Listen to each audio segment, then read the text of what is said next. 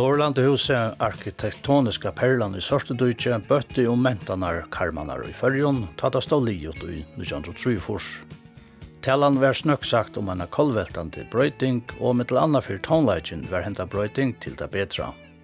Fyrir rytmiska tonleitjen var dansestover og settne utrattarhattler nekk nyttar at halda større konserter i.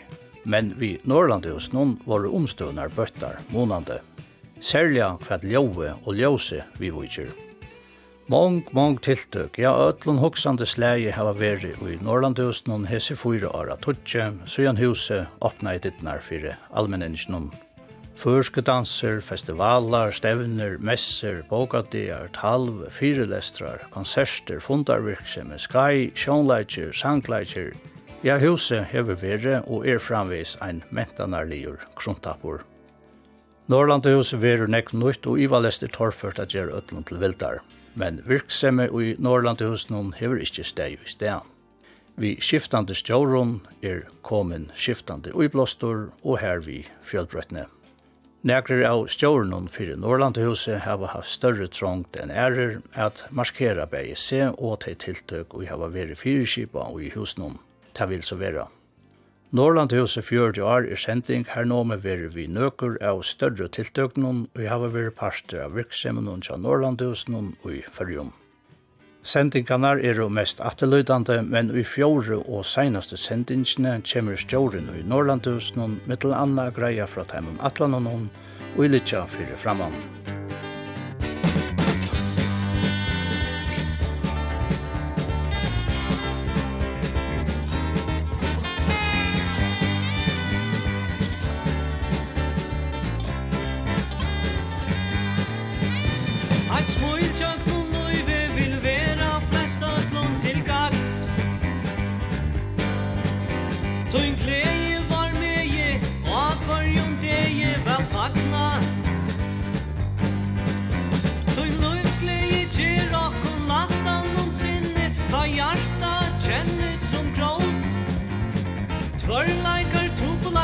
kjennes nok minne som heva av hjarta fest råd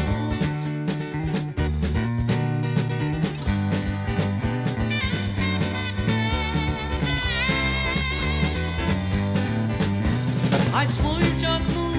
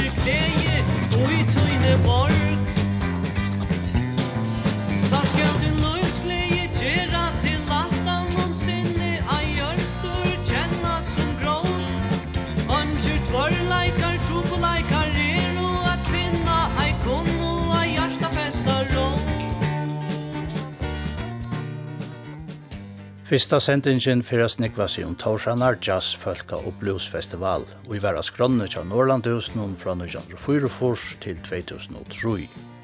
Og i saunen tja kringvarpen er imist forkunnot a finna fra jazzfestivalen, og vi tverra høyra smabrot hene. Og i hesum døvun er jazzfestival i Farjun. Føringar vi brandi Assursson i 8, Kiba 4, saman vi Paul Jørgensen fra Norr Jazz. Om hos noen, så er eisne konserter i listaskalanon og i SMS. Sommerbalkar spela eisne i gang og gøtni i havn.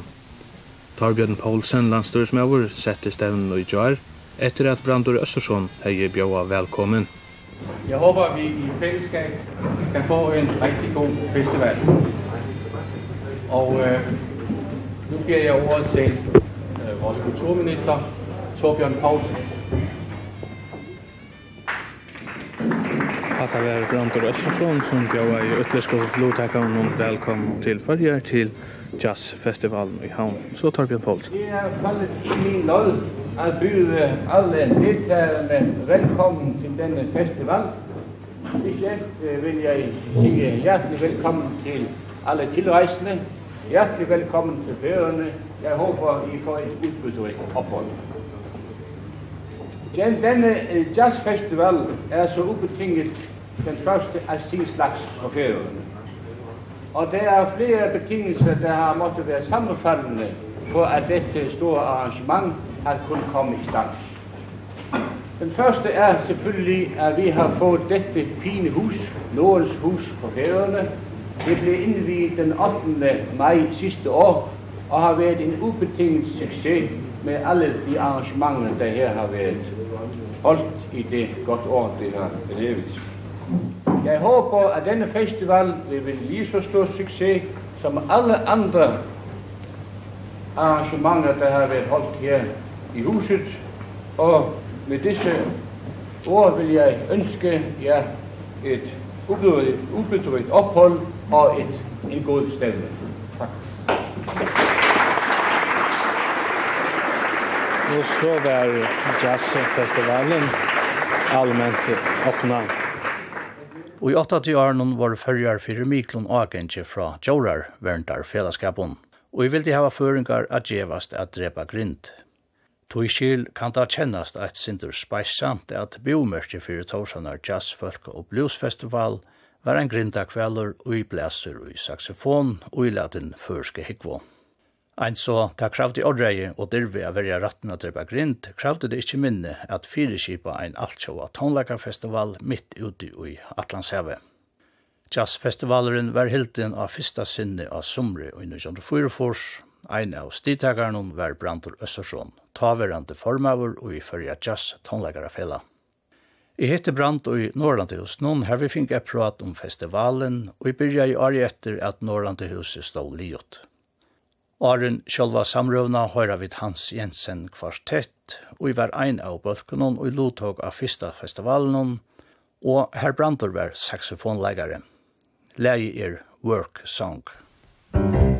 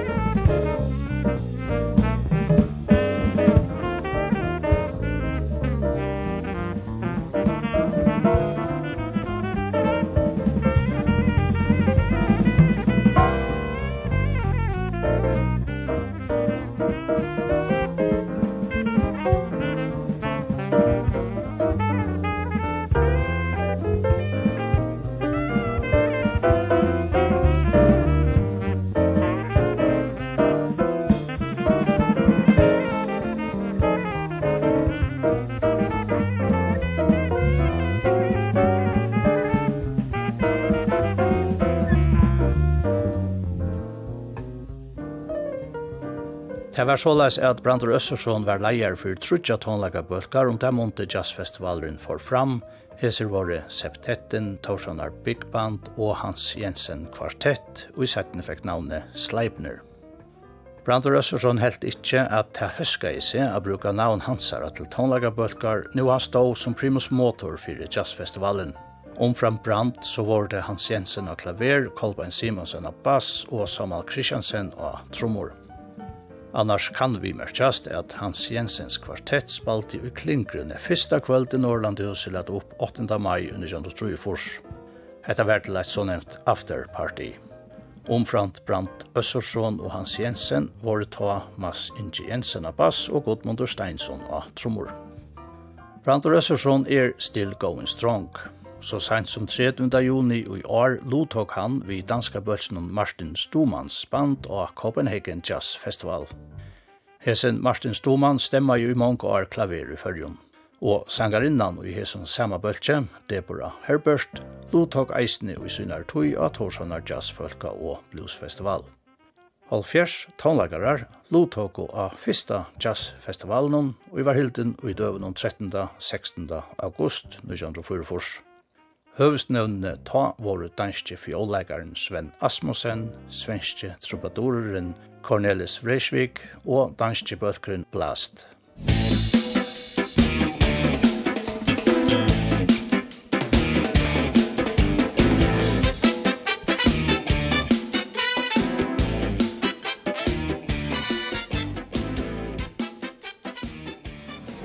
Det er uh, fra Løyk, det er uh, spennende, öliga, öliga fjällbrott. Och, och jag hade det är äckligen spännande. Vi vet att det kommer folk faktiskt ödla förrjön. Nu är det klaxvik och jag har mött äckligen äckligen klaxvingon här och jag hade det alla tider. Jo, mer damer dam. Väl. Men jag mer det framför i kväll. Tog är det här i kväll. Jo, jazzfestivalen där med helt det så det väl. Det så är snarare att eh, nästan glömmer mig till att det kommer och man väntar där för att komma. Hur då blir det nu klar? Ja, jag först kanske kommer luften först. Det lukkar som en, en parsar utheim här men kommer till förjar. Renner samman med till förjar och resten av världen.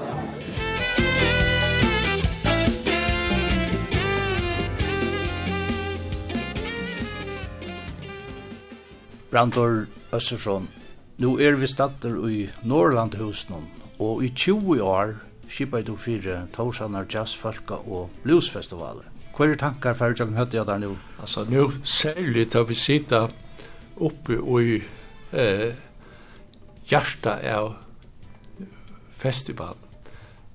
At, atanfyr kontorene er en, en, en deilig rom, og her uh, møtte vi kvar morgon, det er konstnärerna som skulle spela og upptracka och löpte av dagen og kvölde og her ble jeg tala ljøs og ljø og ljøprøver og transport og så videre, så videre.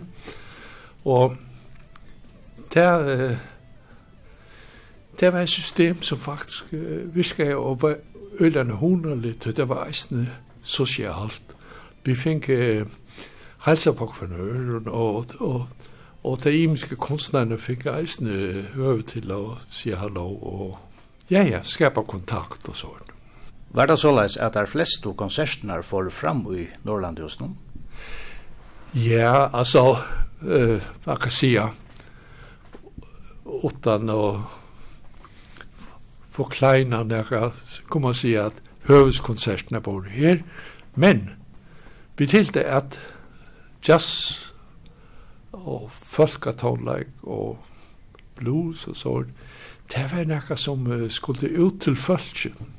Så um, det var så lykka til å gjøre tonleik i gonggøtene og utanfor FK og ja, ja, hver som helst. Og vi fann en nødt til hvert år, og det var sett at det gav en uh, respons og uh, faktisk en god reklama for jazzfestivalen at tonlagen levde knappligere mitt i bojen eisne. Fyrir teg som ikkje minnast, etla som ikkje har vært vidt til hese tiltøysene du kipa i fire, nær fra og til hver Torsanna Jazzfolk og Bluesfestival? Altså, vi starta jo i 1944, og Vi enda i 2003. Og det ble altså til 20 ferner på 9 januar.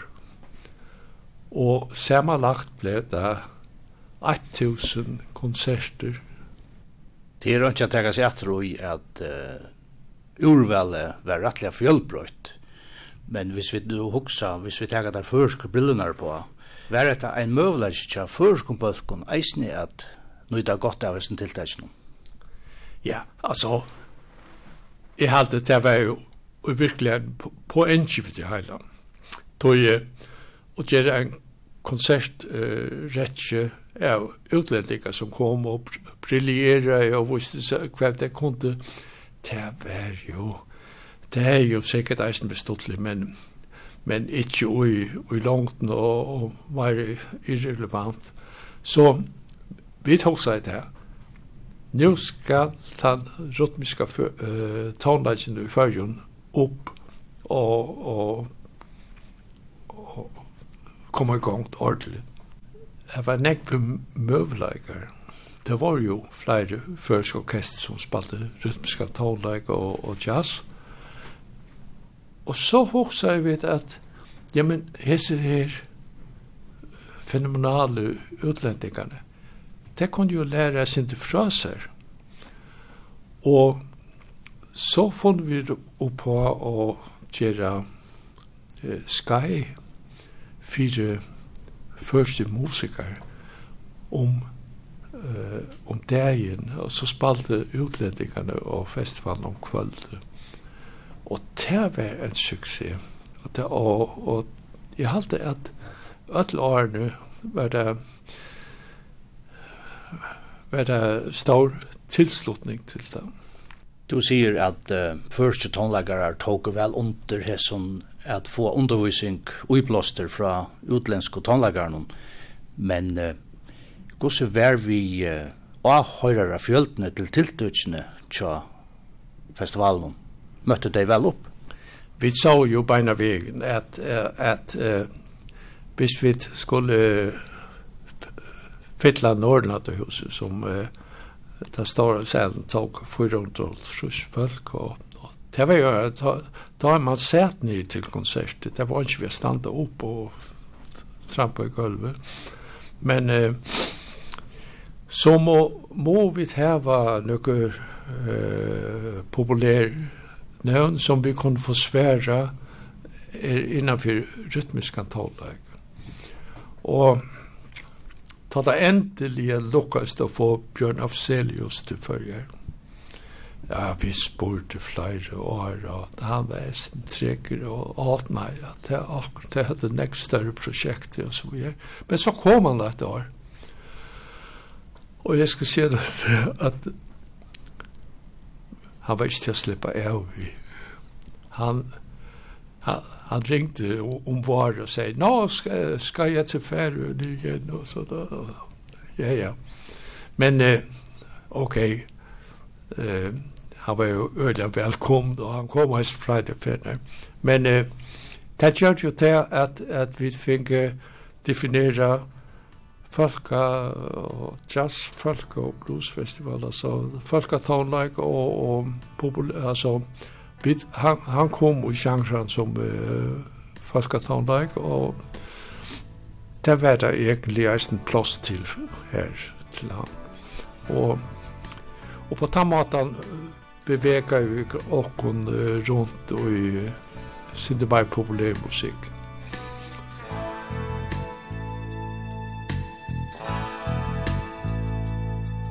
Vi har gått med öppna ögon i förväntningarnas tid. Vi har blundat i besvikelse när allting var förbi. Men vi lever ännu.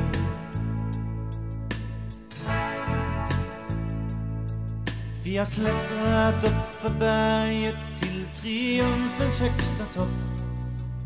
Vi har handlöst störtat ut för som när vi äntligen kommit upp Men vi lever ännu Ja, vi lever ännu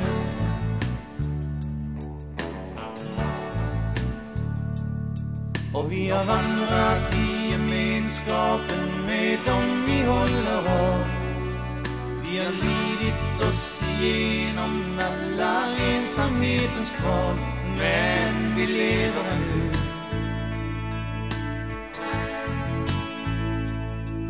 Man har hälsat oss med värme och med kärleksfulla ord.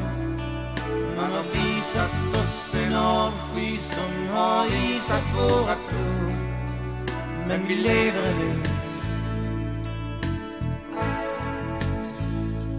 När vi lever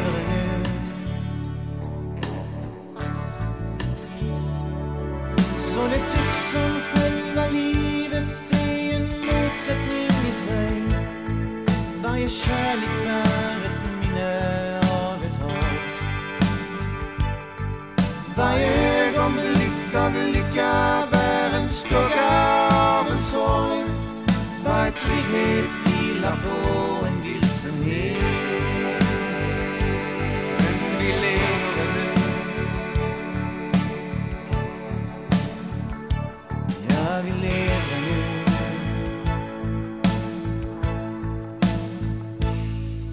har sagt att det finns ingenting man inte klarar av.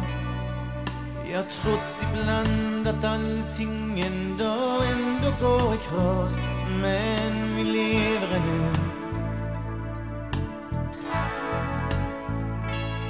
Så vi fortsätter att vandra Ja, vi fortsätter att gå. Vi vet inte hur man stannar Vi har gått för många år. Och vi lever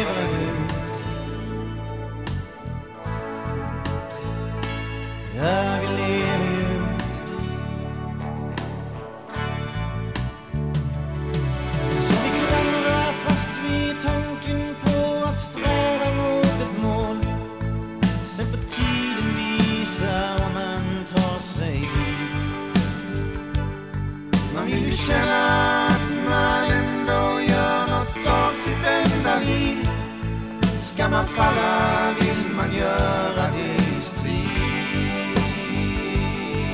Vi lever nu. Ja, vi lever nu.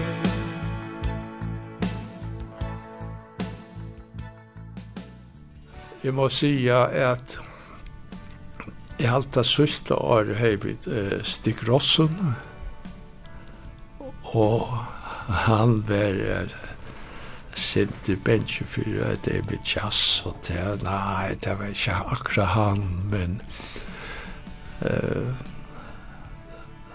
han ville gjerne til følger. Så, så konserten begynner vi at han sang et øyelig flott jazzle.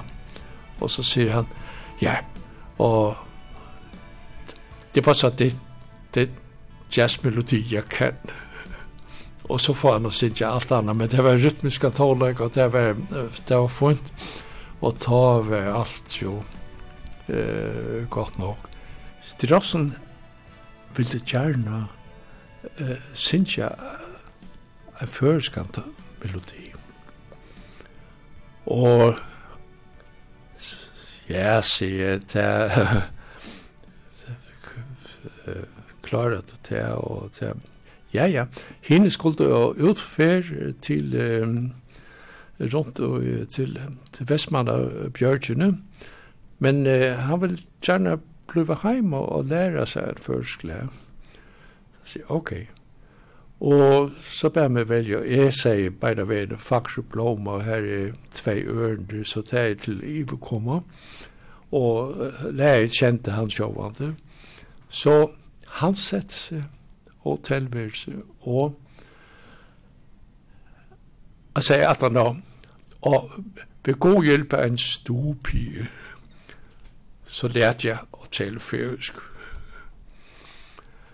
Og han sang om kvöldet og det var en kjempe suksess Så som det har jazzfestivalen var nek meira enn en jazz, det var uh, rytmiska tonlag og inn i vi populær tonlag, men man, han sang jo så nek uh, som sverre til okker repertoire, så sjåv at det kunne han enda vi og en, uh, en gave til publikum for han sang Fakroplomma.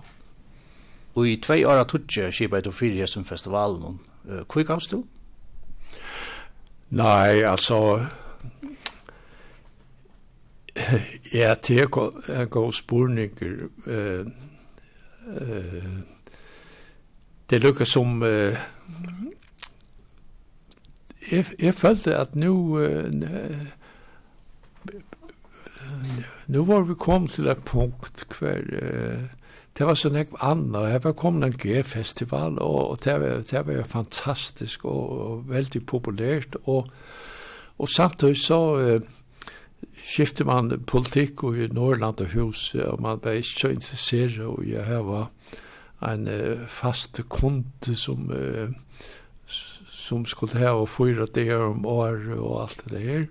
Så uh, det var det var tog til å, å, å djevast, og jeg helt eisen til at da man lever korsåret i 20 år, så man visste at, at det er et behov, og så har man sikkert sett akkurat i gang, selv om man ikke akkurat vet hva, men uh, og det var jo eisne at um, så tjekk det funnet eisne at han nå, for ånder. Er det ikke hattarpunkt av hessen festivalen og du minnes det da? Ja, det er uh, sjåvalde er det flere hattarpunkter, og uh, ta ta bevega seg i så nek år så er det nek ting nek ting som uh, kommer fram. Men at jazz hata på det var ta den brasilianska harmonikaspelaren Sivuka kom til følger det var helt fantastisk. Tøy Han hei turnerat 20 år i, i Europa, og var så færen iver atter til Brasilien, og nekra kontakter i hei nirri, de funnet fram til han. Og vi til at vi gjerne vil heva han, så kom det bjau han til Europa atter. Og så kom han her og spalte så fantastisk hei. Han var en kvintett. Det var, det var ja, nok uh, at en av hattepunktene. Men det var flere sjåvatt.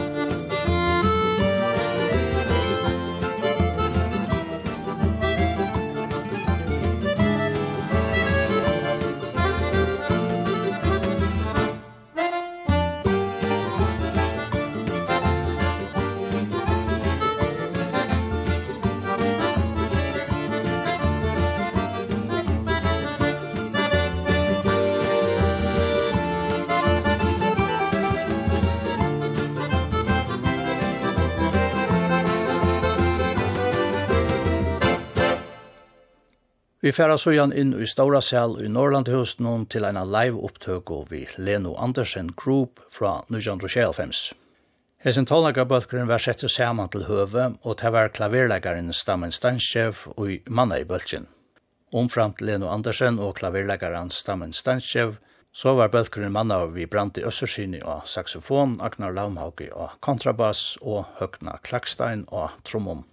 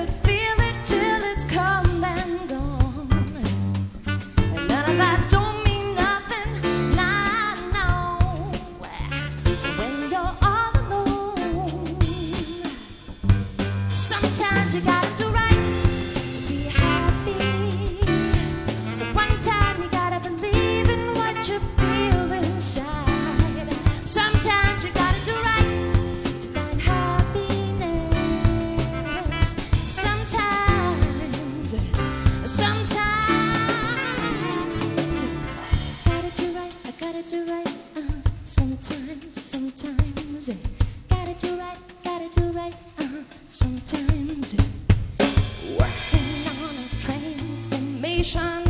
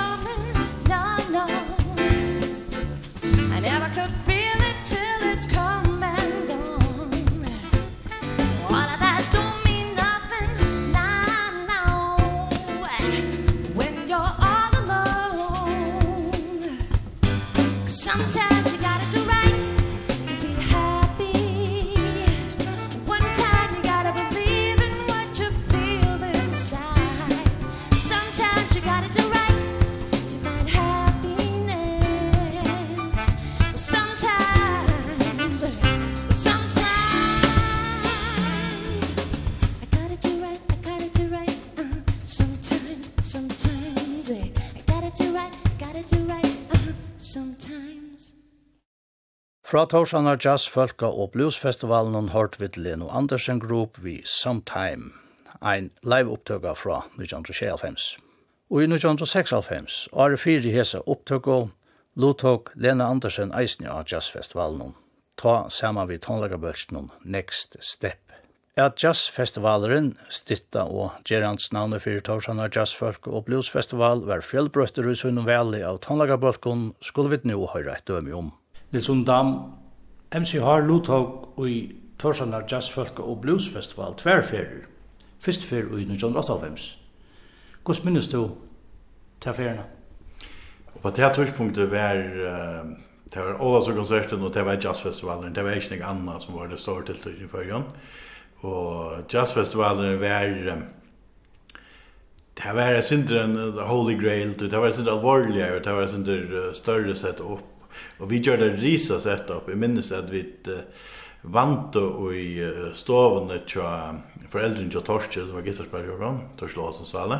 Ehm föräldern tja hon var ute i fera oss så vi vant och i stoven tja henne hade risa så setup. Vi hade hade trudja kordamer och vi hade blasare och vi hade allt möjligt och eh Torske stod en någon potie som gitarr solgitarrspelare och det var ett det var ordentligt ordentligt sett störst upp och det var fria kvöld och Len Andersen spalt bant och Arnockon huset var fullt och vi hade ordentligt ordentligt gjort, när vi skulle gesta sangar, sangare alltså som det läge som vi får höra så att ni här är Här Peter Paulsson är gästa sangare i Tylanon och så annars flera gåvar kvinnor som sjunger här var och mellan Isötter och Ödförn och så var Eisne Katrin Olsen og Ragnar i båda så alltid var och vi är och Eh Olav Olsen var en av blasarna och jag minns inte ordentligt hur han var. Nu var jag så kvar för själv från klubben där. Det gör jag. Men det var öle sett setup, fantastiskt kvalt och eh jag rockade vi i den ena smären som sköta och i bären underboxen och och galven och Norrland och sånt efter fram. Det har vi så gjort det framför Ödlund och Askar någon till hetta elitera tilltag. Ja, du nevnte själv att vi får höra ett län från MCR i av konserten i 8-vems. Hva er det vi får høre? Ja, det er leie eiter det som jeg har som to og kjever. Uh, populært er det nok kjent som jeg har vi har. Det er leie som spesielt det at det at er Åtta så en det akkurat ju och flöv fram som de videot. Og akkurat det er leie det ble gjørst at han har alt hin løgn og gjørt. Det er Even Drevsen kom om han, og han heier en sånn maskin man kan programmere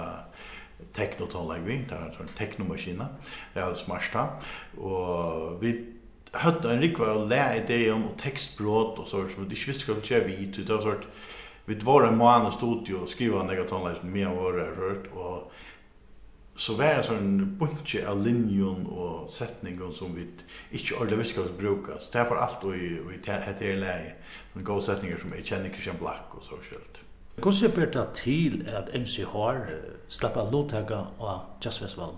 Jeg halte at høres også Brandor heier til at han tok eisen rockorkester inn. Kjølar spalte eisen til kvalitet vi spalte, og han tok uh, orkester som han helt kunde sammenstå folk for det første, og Og jeg hadde okkar før var det kanskje ikke rann jeg til at vi samlet folk, men vi var et lille baby ikke brantor til at um, vi vant til Jonas då og ta en av hans av og akkurat byrja og det var sin stilt jag får hela rikka och så tjockon men Brander helt av hött och avvärst så han han pushar upp sin inte till att, att göra det och vi var faktiskt givna att spela ta en för en av fems och så kom Brander och säger vi och eh, nu hade vant här i, i Snöhölden tjockon och i jag vet inte ett och är det också rätt och till skilda faktiskt leje för jag vet så de skulle spela en konsert som vi helt en uh, nu i nästan och i utvaktning som var beinäs. Jag vill säga, ja men vi där unga trumspelare, unga,